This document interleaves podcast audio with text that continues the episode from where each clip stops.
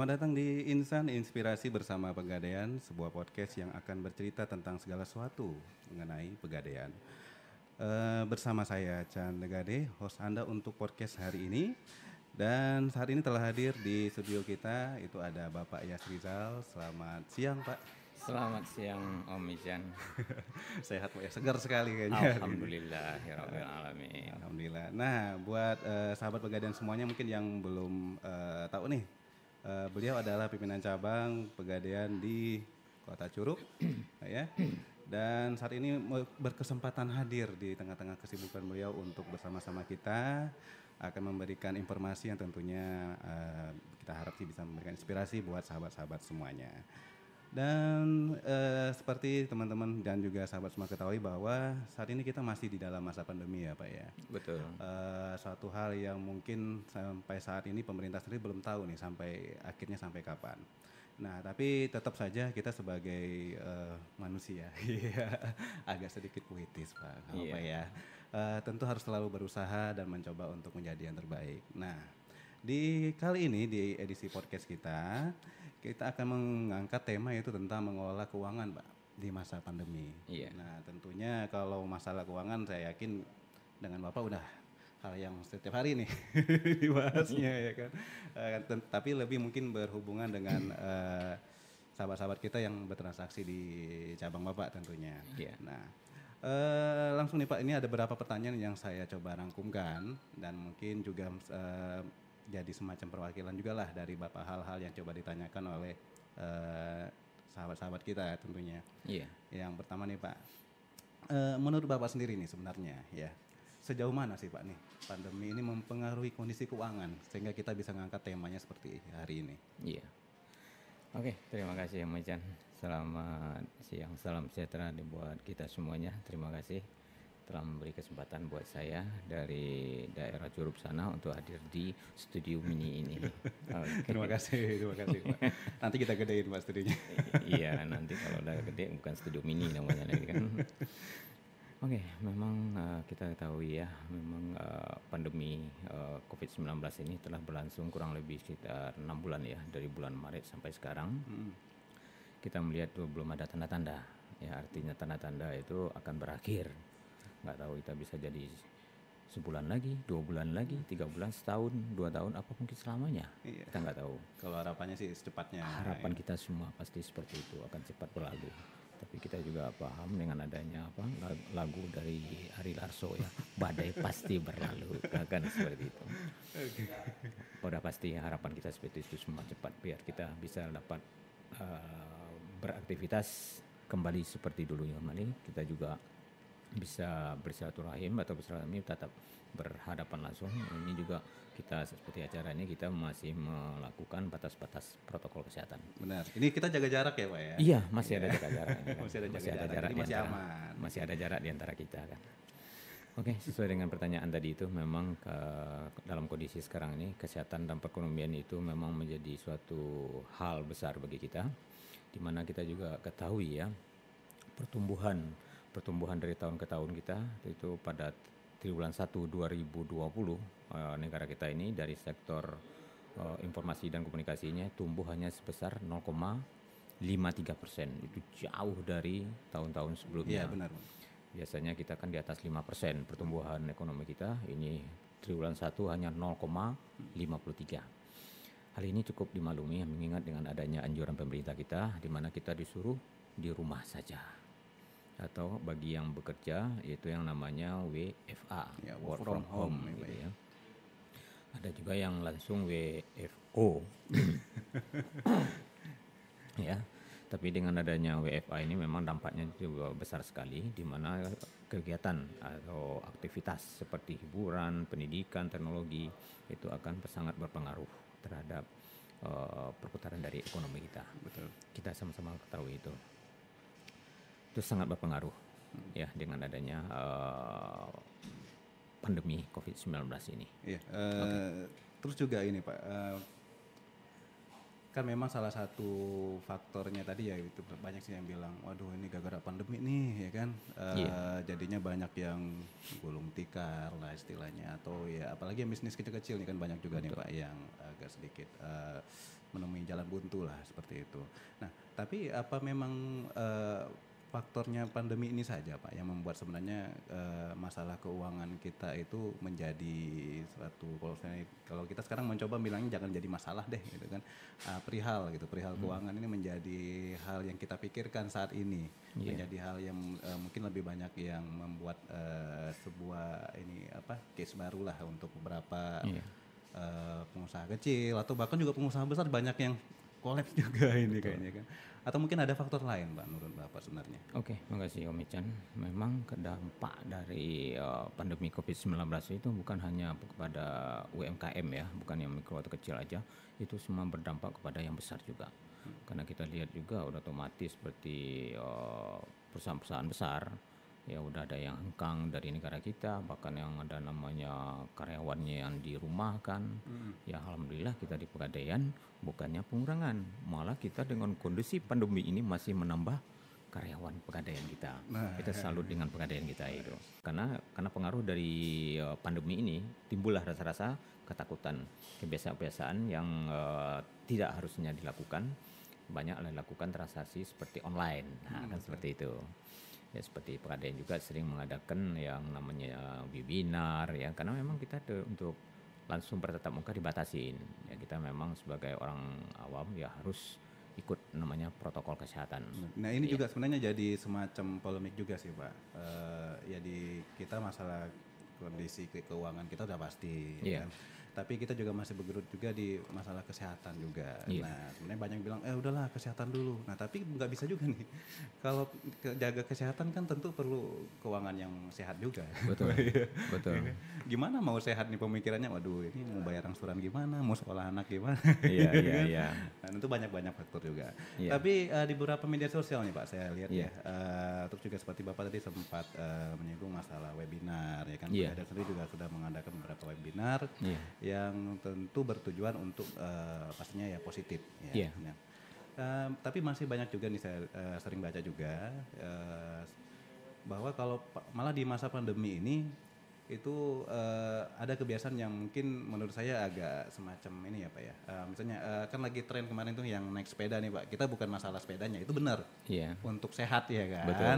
nah tapi eh, ada beberapa artikel yang saya baca di luar negeri itu orang justru bingung bang lihat kita nih Indonesia nih ya kan wah ini Aneh. lagi pandemi beli sepeda Aneh ya. Eh, kan bahkan merek B itu malah jadi laris banget ya merek B ya kan kan nggak disponsorin pak ya jadi Iya, nggak boleh iya. bilang mereknya Oke, ya oke, kan? oke. nah itu ramai banget nah tapi ada juga eh, selain itu tetap masih banyak yang mengatakan bahwa ya kita nggak tahu nih ini pandemi sampai kapan? Betul. ya pak ya. Bisa jadi tiga bulan atau bisa jadi enam bulan harapannya sih cepat ya kan? Nah sehingga banyak nih yang menyarankan untuk eh, pinter-pinter nih mengelola keuangannya. Salah satunya ya mungkin ada oh yang bisa ditabung lah atau diapakan sehingga dananya tidak idle gitu kan? Seperti itu pak. Nah eh bapak sendiri se- eh, sebagai seorang pimpinan cabang di Pegadaian eh, itu menyingkapinya seperti apa sih pak sebenarnya Sa- apakah ini memang saran yang bagus Mm-mm. ataukah mungkin ini ada yang harus kita eh, perjelas lagi nih ke masyarakat Iya. Oke, terima kasih uh, Amichan. Memang di kondisi kita sekarang ini ya perkembangannya dari eh, dari media atau pemerintah ini sedang gencarnya seluruh dunia. Bahkan ya, bahkan sampai sekarang itu kan namanya eh, wabah COVID-19 itu belum ada vaksinnya ya, sampai sekarang belum ada. Sedang berlomba-lomba. Ini lomba-lomba kita juga berlomba. Katanya akhir tahun akan muncul vaksinnya akan dapat akan dijual sekian termasuk dunia juga kan udah mengeluarkan seperti Rusia kita lihat juga Cina udah ada vaksinnya tapi sekarang sampai sekarang belum jelas. Ya jadi memang kita lihat eh, sampai sekarang itu kita berusaha terus gencarnya ya. Dalam enam bulan ini ya ke depan tuh pandemi masih akan kita harapkan untuk dapat mengerem ya mengerem lajunya yang positif gitu ya. Dengan salah satunya itu kita menjalankan yang namanya protokol kesehatan. Ya satunya kita jarak jaga jarak ya minimal satu sampai satu setengah meter. Eh, terus juga pakai masker.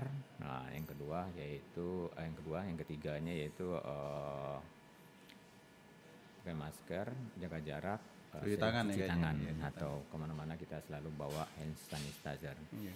Kita lihat kan kalau ibu-ibu dulu ke mana-mana kan bawa lipstick, sekarang ke mana-mana bawa hand sanitizer. Jadi bisnis baru sebenarnya yang tumbuh. betul. Jadi yang baru itu juga dengan adanya COVID ini betul ada juga hikmahnya, hikmah bagi orang-orang yang tidak kita harapkan sebelumnya. Ya seperti pembuatan masker itu kan suatu rezeki yang nggak pernah diduga Mm-mm. untuk pembuatannya oleh katakanlah pengusaha-pengusaha kecil. Iya. Karena minimal untuk pembuatan masker itu 7.000 sampai 10 ribuan gitu ya. Benar. Sebenarnya apalagi pemerintah sekarang udah diumumkan pakai scuba juga udah nggak boleh lagi pak boleh ternyata lagi, udah nggak layak lagi Iya. katanya terlalu tipis katanya kan. Disuruh orang buat minimal yang non medis itu dari kain tiga lapis. Iya. Satu lapis saja napasnya udah susah, apalagi tiga nanti malah gejang aja lagi gitu kan. Ya udah kita ikuti aja.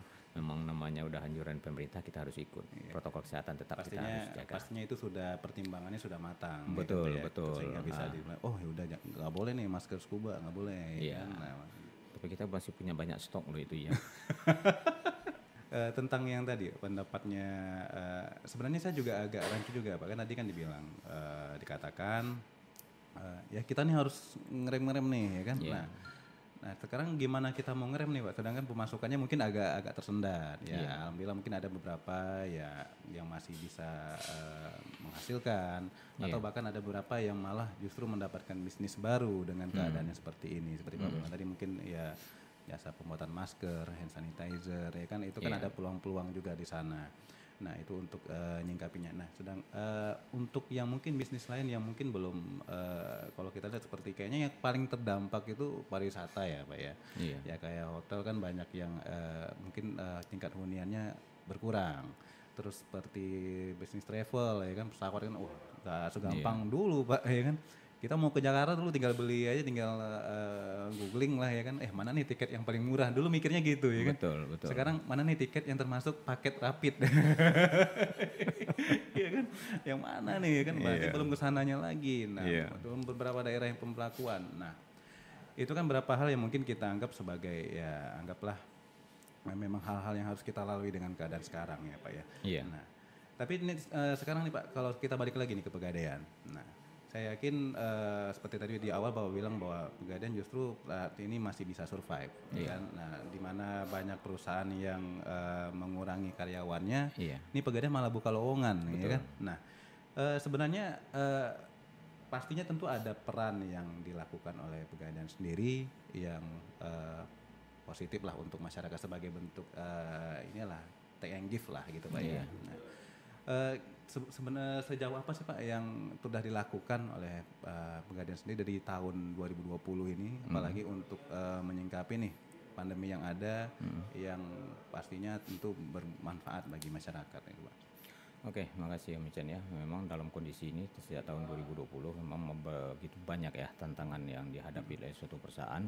Tapi alhamdulillah kita di Pegadaian eh, dengan kondisi pandemi ini masih bisa eksis atau survive dengan kondisi yang cukup baik gitu ya.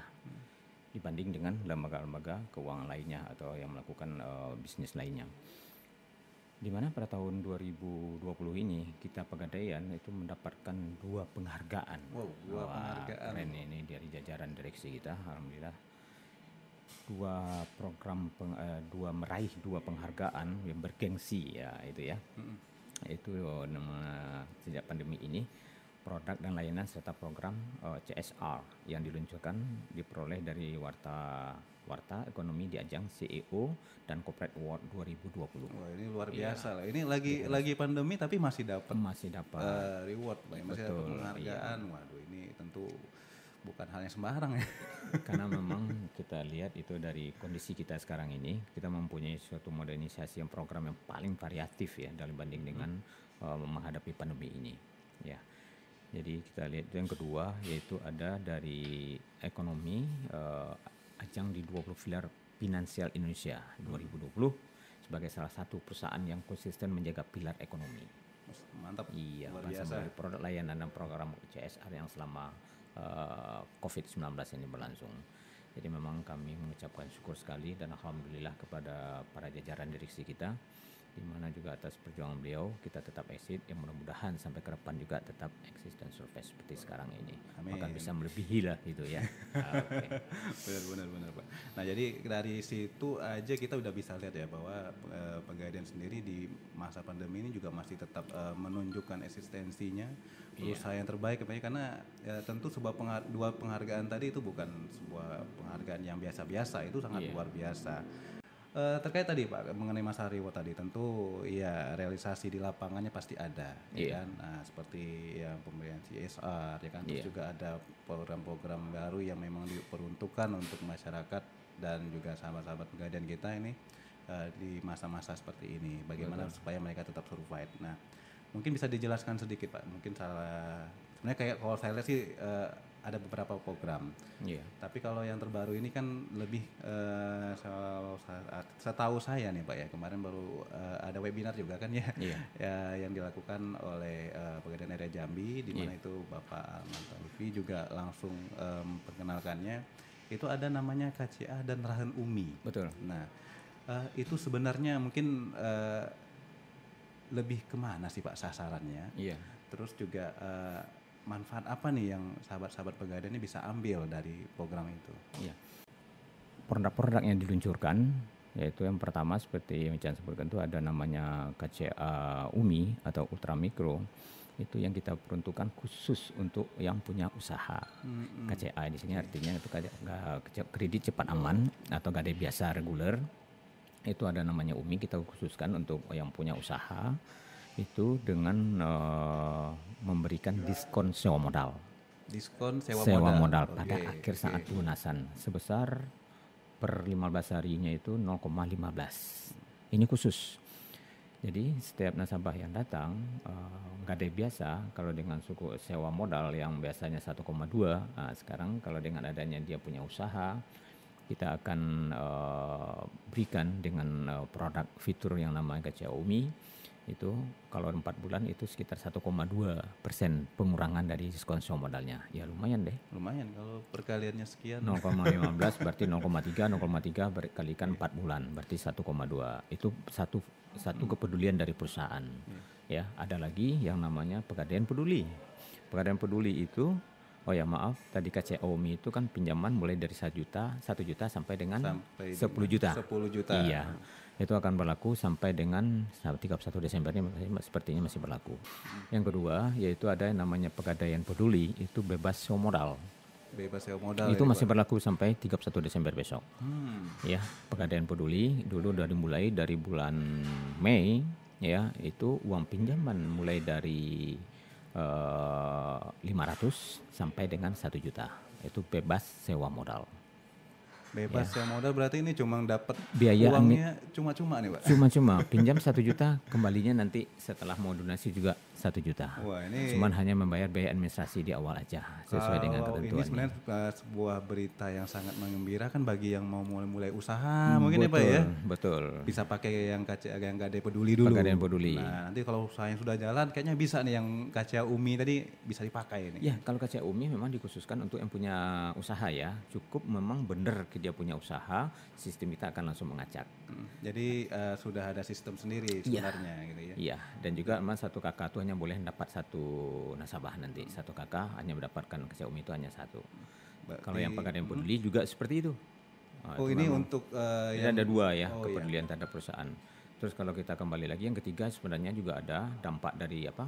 Dampak dari eh, COVID ini eh, untuk pengusaha mikro eh, khususnya untuk pinjaman yang berbasis fidusia kita pada bulan Agustus sampai dengan Juni, Juni sampai dengan Agustus itu ada yang namanya udah kita lakukan restrukturisasi kredit. dan juga untuk yang uh, nasabah yang sudah aktif uh, kreditnya di pegadaian Iya. itu diberikan uh, semacam keringanan. Uh, Dan nanti pasti ya harus ada ketentuannya juga yang betul betul ya, Pak ya. iya. memang dari dampak dari apa dari covid ini kan memang hanya kepada yang punya usaha Kalau kayak kayak seperti Om Ican yang sebagai karyawan BUMN kan nggak ada kena dampaknya, Om dampak nggak dampak masuk nggak masuk gaji tetap segitu kan. Alhamdulillah Pak. Iya. Alhamdulillah. Itu harus disyukuri. kan. Alhamdulillah Iya, betul. alhamdulillah. Ya seperti kita yang eh, karyawan ya dampaknya nggak terlalu kita rasakan, tapi bagi saudara-saudara kita itu sangat berpengaruh sekali. Benar-benar. Dan ini juga Pak, eh, kita lanjut ke pertanyaan yang, yang selanjutnya. Iya. Eh, tadi kita sudah bicara tentang program-programnya sehingga kan dengan program ini maka pegadaian mendapatkan reward tadi Pak ya ada dua reward yang didapatkan. Iya. Nah, terus juga pegadaian ini kan sekarang ini atau bukan sekarang Pak dari dulu nih ya sebenarnya itu kan identik banget nih dengan emas. ya kan? Iya.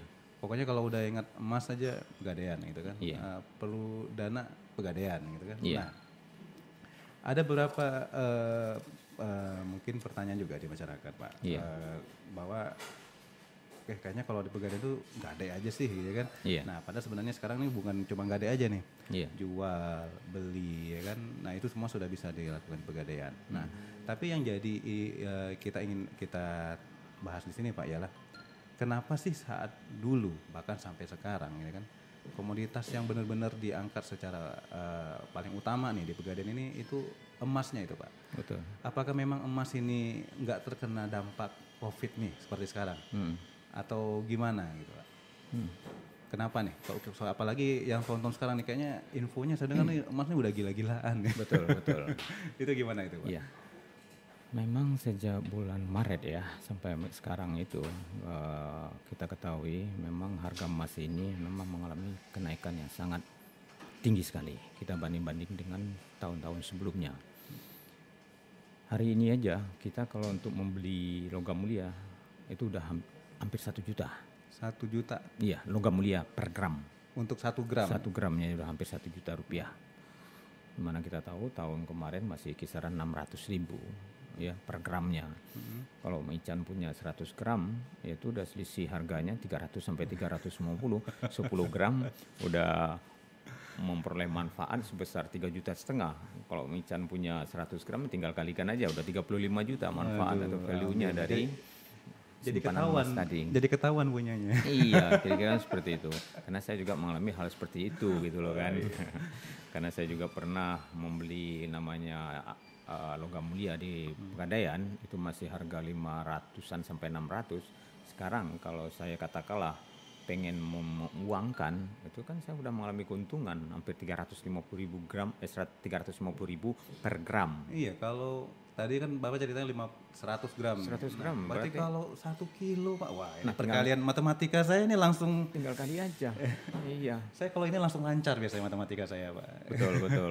Memang nyaman sekali. Memang kita rasakanlah manfaatnya. Oh, kita menyimpan emas itu tadi karena kita lihat itu per, memang untuk hari ini itu sedikit jadi penurunan gitu ya dibanding dengan dua hari yang lalu. Itu juga penurunannya nggak berapa lah paling hanya sekitar satu atau dua persen. Karena kita tahu bahwa emas ini kan merupakan suatu komoditi ya komoditi dunia di mana semuanya itu ber- eh, banyak yang mempengaruhi harga emas.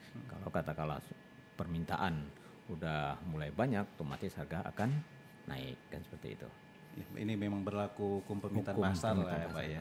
Demand dan supply ini berlaku sampai sekarang itu Nggak- Apalagi tapi eh, emas sendiri juga nggak gampang kan. betul Jadi eh, kalau seandainya dikatakan bahwa emas ini bisa dianggap sebagai instrumen darurat nih Pak, yang eh, terlebih di saat-saat sekarang ini nih, iya ya kan, sebagai penolong kita nih untuk kondisi keuangan. Nah itu Betul. tepat nggak sebenarnya dikatakan seperti itu Pak? Bisa, bisa kita katakan seperti itu karena memang kita tahu ya eh, emas itu kan sifatnya itu eh, liquid. Nah, artinya liquid itu mudah gitu ya, mudah diuangkan, mudah dijual dan mudah digadaikan. Iya. Nah, seperti itu kan. Terakhir kayaknya enak. Terakhir nih. ya soalnya kadang kondisi sekarang kalau kita katakan belinya 600 kita jual sekarang 900 ya untuk yang logam mulia ya. Iya. Ya emang enak untungnya, manfaatnya itu terasa gitu loh kan. Cuman kalau kita pengen untuk membeli kembali, ya harus harga itu lagi. Harga itu ya bisa naik dan bisa turun. Benar, benar, benar. Nah, jadi memang eh, saya yang udah mencoba. Saya udah bekerja di Pegadaian ini udah 32 tahun. Oh, 32 tahun. 32 itu, tahun. Oh, itu seumur saya Pak 32 Seumurnya tahun. saya, berarti Om Ican belum lahir kan, baru mau lahir saya udah dikerja di Pegadaian. iya kan? 32 tahun loh. Saya masuk di Pegadaian tahun 1988. 88. Iya, saya udah keliling ini. Bukan keliling dunia enggak ya, masih keliling di Sumatera gitu ya untuk bekerjanya. Saya pernah pertama di Tanjung Pinang, pindah ke Arga Makmur, pernah di Lampung, pernah di Pulau Bangka, pernah di Jambi, pernah di kampung halaman saya sendiri Bukit Tinggi, pernah ke Bengkulu, ke Lubuk Linggau, ke Curug. Sekarang terakhir posisinya itu. Nah berarti kan dengan sel- selama itu ya tentu Iya. ya nggak nggak ragu lagi dong Pak bahwa sehingga Bapak tadi bisa dengan yakin sekali mengatakan bahwa wah ini emas nih udah memang udah pasti eh, penolong banget deh gitu kan. Betul, betul. Apalagi ke saat sekarang ini apalagi harganya lagi naik wanjak banget. Benar. Pada saat mungkin belinya lagi 600 kan tadi Pak ya. Iya. Sekarang jadi sejuta. Wah. Iya. Itu, Itu matematika yang- anak SD baru- itu juga lancar itu Baru begitu, tahun gitu, Pak. 2015 2016 ya. Kalau sebelum-sebelumnya itu dulu kita pernah tahu deh.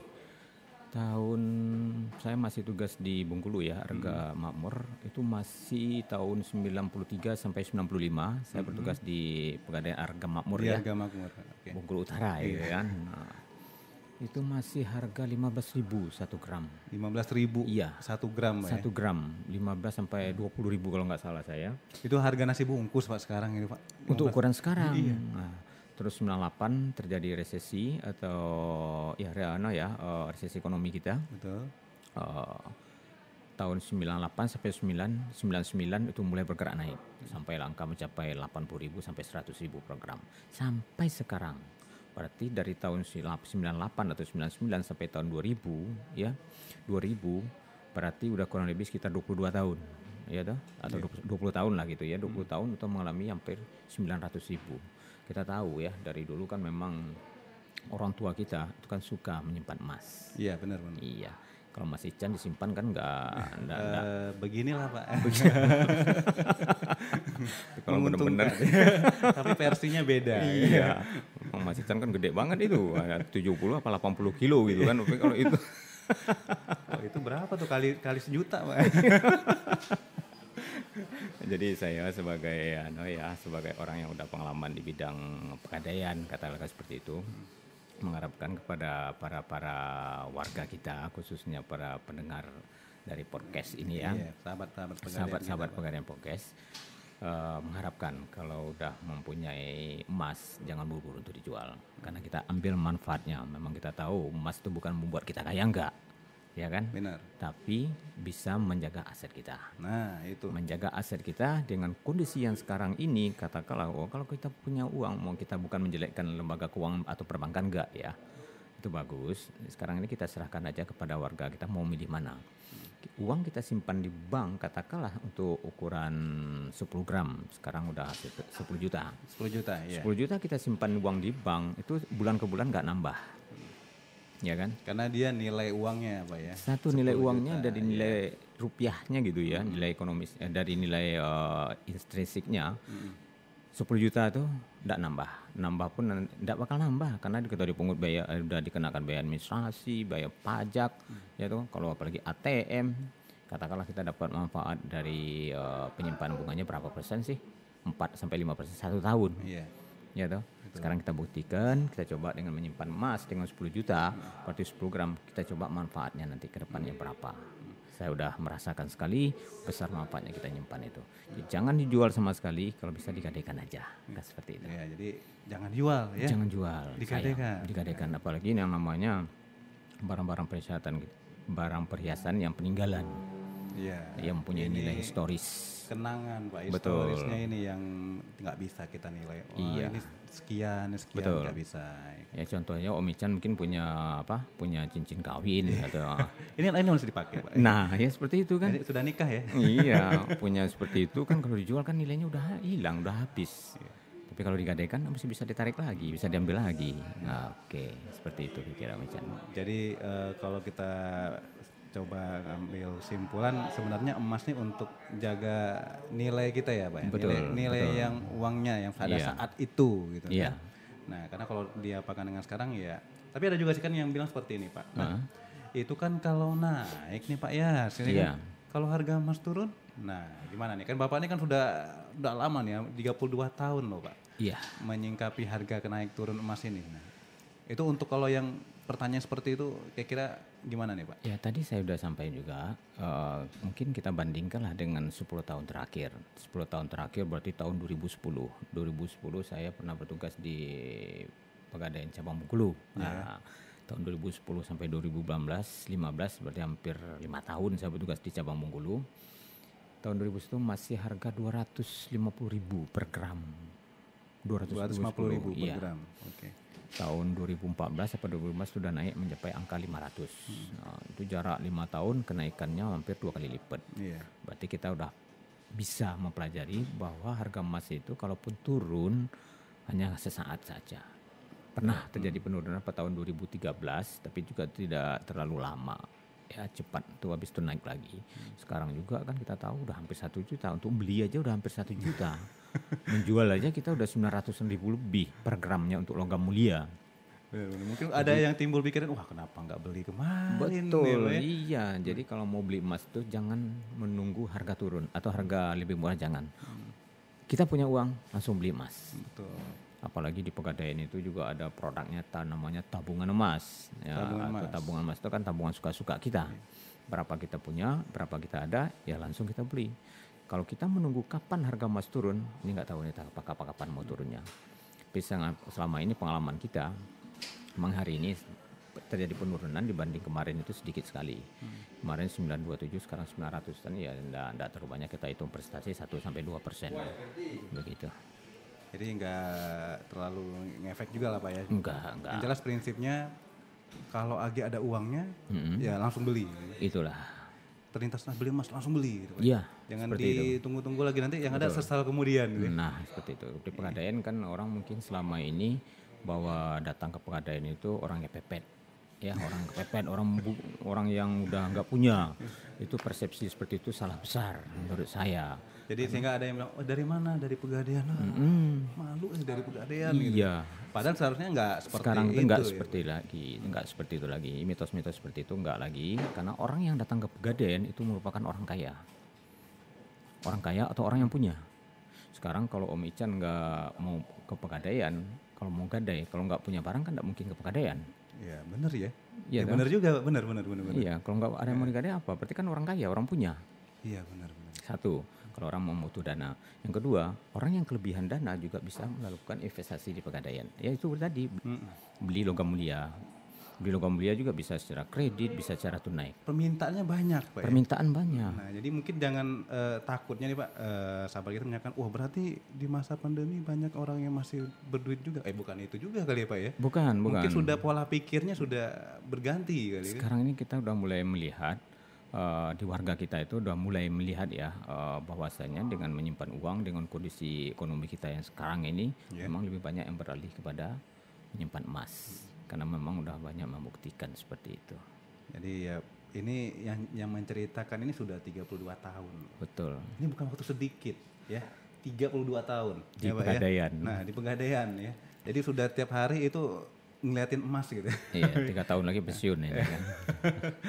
ya itu memang setiap ada awal selalu ada akhir ya seperti Betul, itu ya Pak ya. betul. Tapi eh, tentunya eh, Pegadaian sendiri tentu pasti sudah pasti itu bangga banyak punya Bapak di sini sudah 32 tahun mengabdi Pegadaian ya kan dan masih terus berlanjut masih tetap semangat. Ini semangatnya kayaknya dari 32 tahun yang lalu sama sekarang ini berapi-apinya menambah gitu.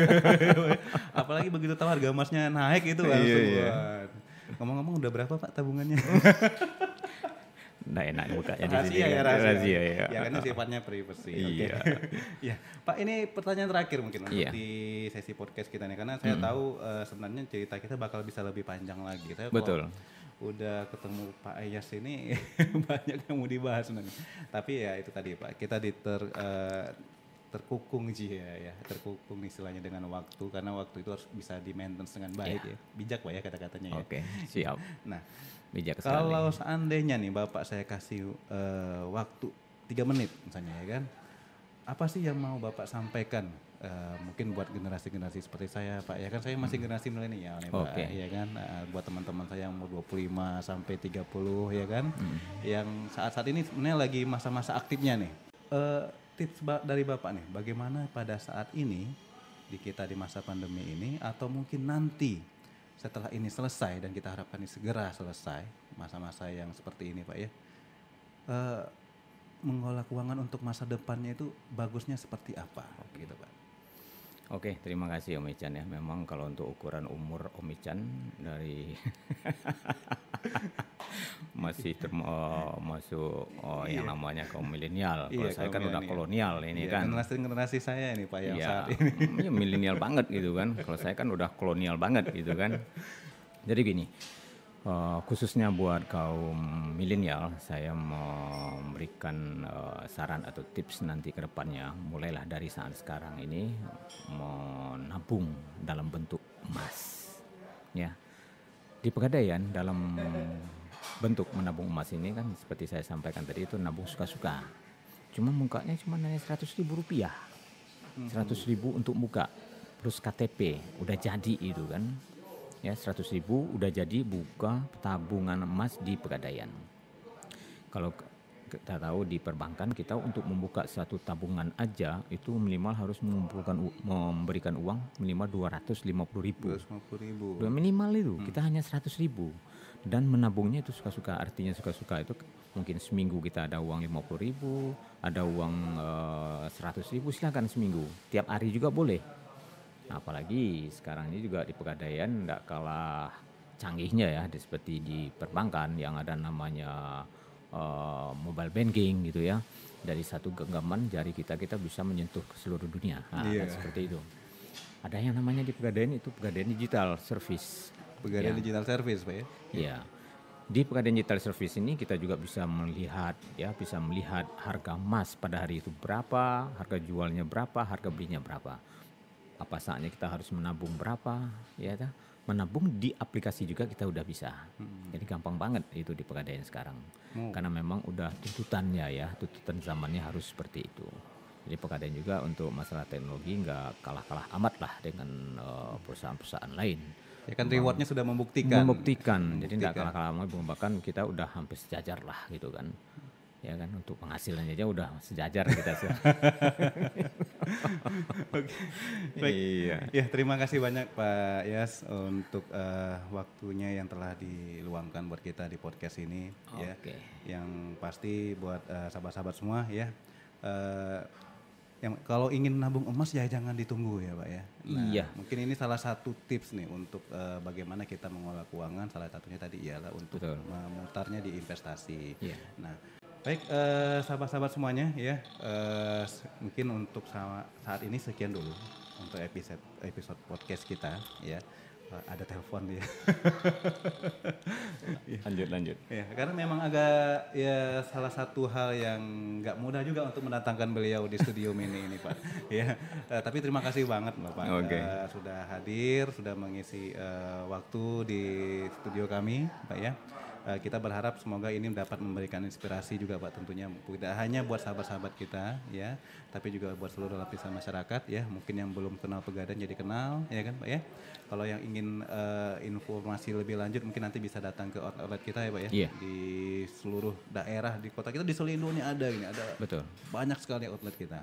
Nah juga kita ada banyak sekali agen-agen yang nanti mungkin bisa uh, sahabat-sahabat datangin semua. Nah kalau untuk di Curug nih Pak, misalnya terakhir nih terakhir. Yeah kalau seandainya ada nih masyarakat-masyarakat uh, dan sahabat-sahabat kita yang ada di kota Curug dan sekitarnya dan ingin bertransaksi atau mungkin ingin ketemu langsung sama bapak ya kan, yeah. saya ingin ketemu Pak Yasir Hizal dong, ya yeah, kan, yeah, nah, yeah, yeah. mau konsul masalah keuangan saya atau masalah investasi yeah. itu ke mana Pak? Oke okay, siap, terima kasih Om Ican. Mungkin tips saya yang terakhir ya, saya mengharapkan sekali kepada sahabat-sahabat podcast gitu ya, mulai dari sekarang kita cobalah karena investasi ini kan bukan hanya emas aja. Kita investasi itu bisa berupa properti gitu ya. Properti itu bangunan ataupun tanah juga bisa uang juga bisa. Ya kalau ibaratnya kita suatu membeli telur satu keranjang gitu ya jangan kita taruhkan dalam satu tempat. Kita mungkin taruhkan dalam dua atau tiga tempat gitu kan. Seandainya ini terjadi uh, penurunan kita masih ada invest kita di tempat yang lain begitu juga dengan kita sendiri dengan emas ini kita udah buktikan semuanya bahwa dari tahun ke tahun harga itu tetap harus bukan tetap harus naik ya kita lihat naik terus gitu Trennya ya. naik, ya? Naik jarang. Kalau terjadi penurunan juga hanya saat aja, besok udah kembali lagi naik kembali. Jadi saya mengharapkan kepada kaula muda khususnya sahabat-sahabat podcast, mari kita mulai dari sekarang. Silakan jangan hilangkan rasa malu datang ke pegadaian. iya, karena Iya, betul. ya rasa malu itu kan itu udah suatu hal yang tabu ya dari dulu. Tapi sekarang itu disampaikan tadi itu bahwa orang ke pegadaian itu bukan orang yang nggak punya. Orang kaya. Ya kan? Orang kaya dan orang yang punya. Orang berada. Ya kan? Kalau nggak punya uang ya kan Kelebihan uang. kelebihan uang nah, kan itu nggak punya uang kan bawa barang barang bawa barang itu kalau nggak ada barang apa yang mau digadain ya contohnya seperti eh, emas itu tadi mungkin kendaraannya yang bisa kita terima barang-barang elektronik seperti handphone laptop bisa masih kita terima gitu kan yang punya kelebihan uang nah itu bisa investasi membeli logam mulia Kalau sama sahabat kita yang di Curup nih. Oh, iya, iya, nah, iya, iya. Ketemu Oke. Bapak nih ke mana nih? ya kan? Oke, siap. Eh, saya kantornya berdomisili di Jalan Merdeka nomor 27 depan Kodim. Ya, Depan kalau ada Kodim, iya di depan Kodim 0409 Rejang Lebong, Jalan Merdeka. Saya domisili di situ, kantor saya di situ. Ya, ke- ada yang mau konsul langsung silakan langsung ke outlet atau melalui handphone saya juga oke. 0852 7201 9251 untuk WA atau handphone saya. Oke, Silakan iya. kalau ada yang mau konsul seperti itu. Jadi tadi nomornya nanti eh, terakhir nanti akan saya cantumkan ya sahabat-sahabatnya Oke. jangan ragu nanti Iya. kita cantumkan nomor eh, Pak Yasnya di sana. 24 jam siap. 24 jam siap Pak. Kalau baterainya nggak low. siap siap siap. Ya, sekali lagi Pak Yas terima kasih banyak. Oke, ya, sama-sama, Om eh, Ican. untuk waktu yang telah diberikan dan juga eh, sahabat-sahabat semua yang telah mendengarkan ya. Eh, ini nanti materi podcastnya akan kita sebarkan ya nanti di bagian media. Ya, ada kita juga di YouTube channel kita ada, di Instagram kita ada ya, di Spotify juga ada dan juga eh, ada media podcast lain tapi sedang dalam proses ya. Semoga nanti berhasil. Oh, Oke. Ya. Terakhir Pak, terima kasih banyak dan juga buat eh, sahabat-sahabat semua, eh, inilah akhir dari eh, episode podcast kita pada hari ini ya tentang keuangan ya bagaimana mengolah keuangan di saat pandemi. Nanti akan ada seri-seri podcast lainnya dengan tema-tema yang tentunya eh, menarik juga dan kita berharap itu bisa memberikan inspirasi buat sahabat-sahabat semua yang ada tidak hanya di kota Bengkulu dan sekitarnya ya, tapi juga di seluruh Indonesia. Karena kan nanti ini materinya viral, Pak. Iya. Jadi Bapak siap-siap tenar aja. Oke oke siap siap. Ya, terima kasih saya akhiri podcast ini. Saya Chan sebagai host Anda untuk Insan Inspirasi Pegadaian dan sampai jumpa di tema selanjutnya.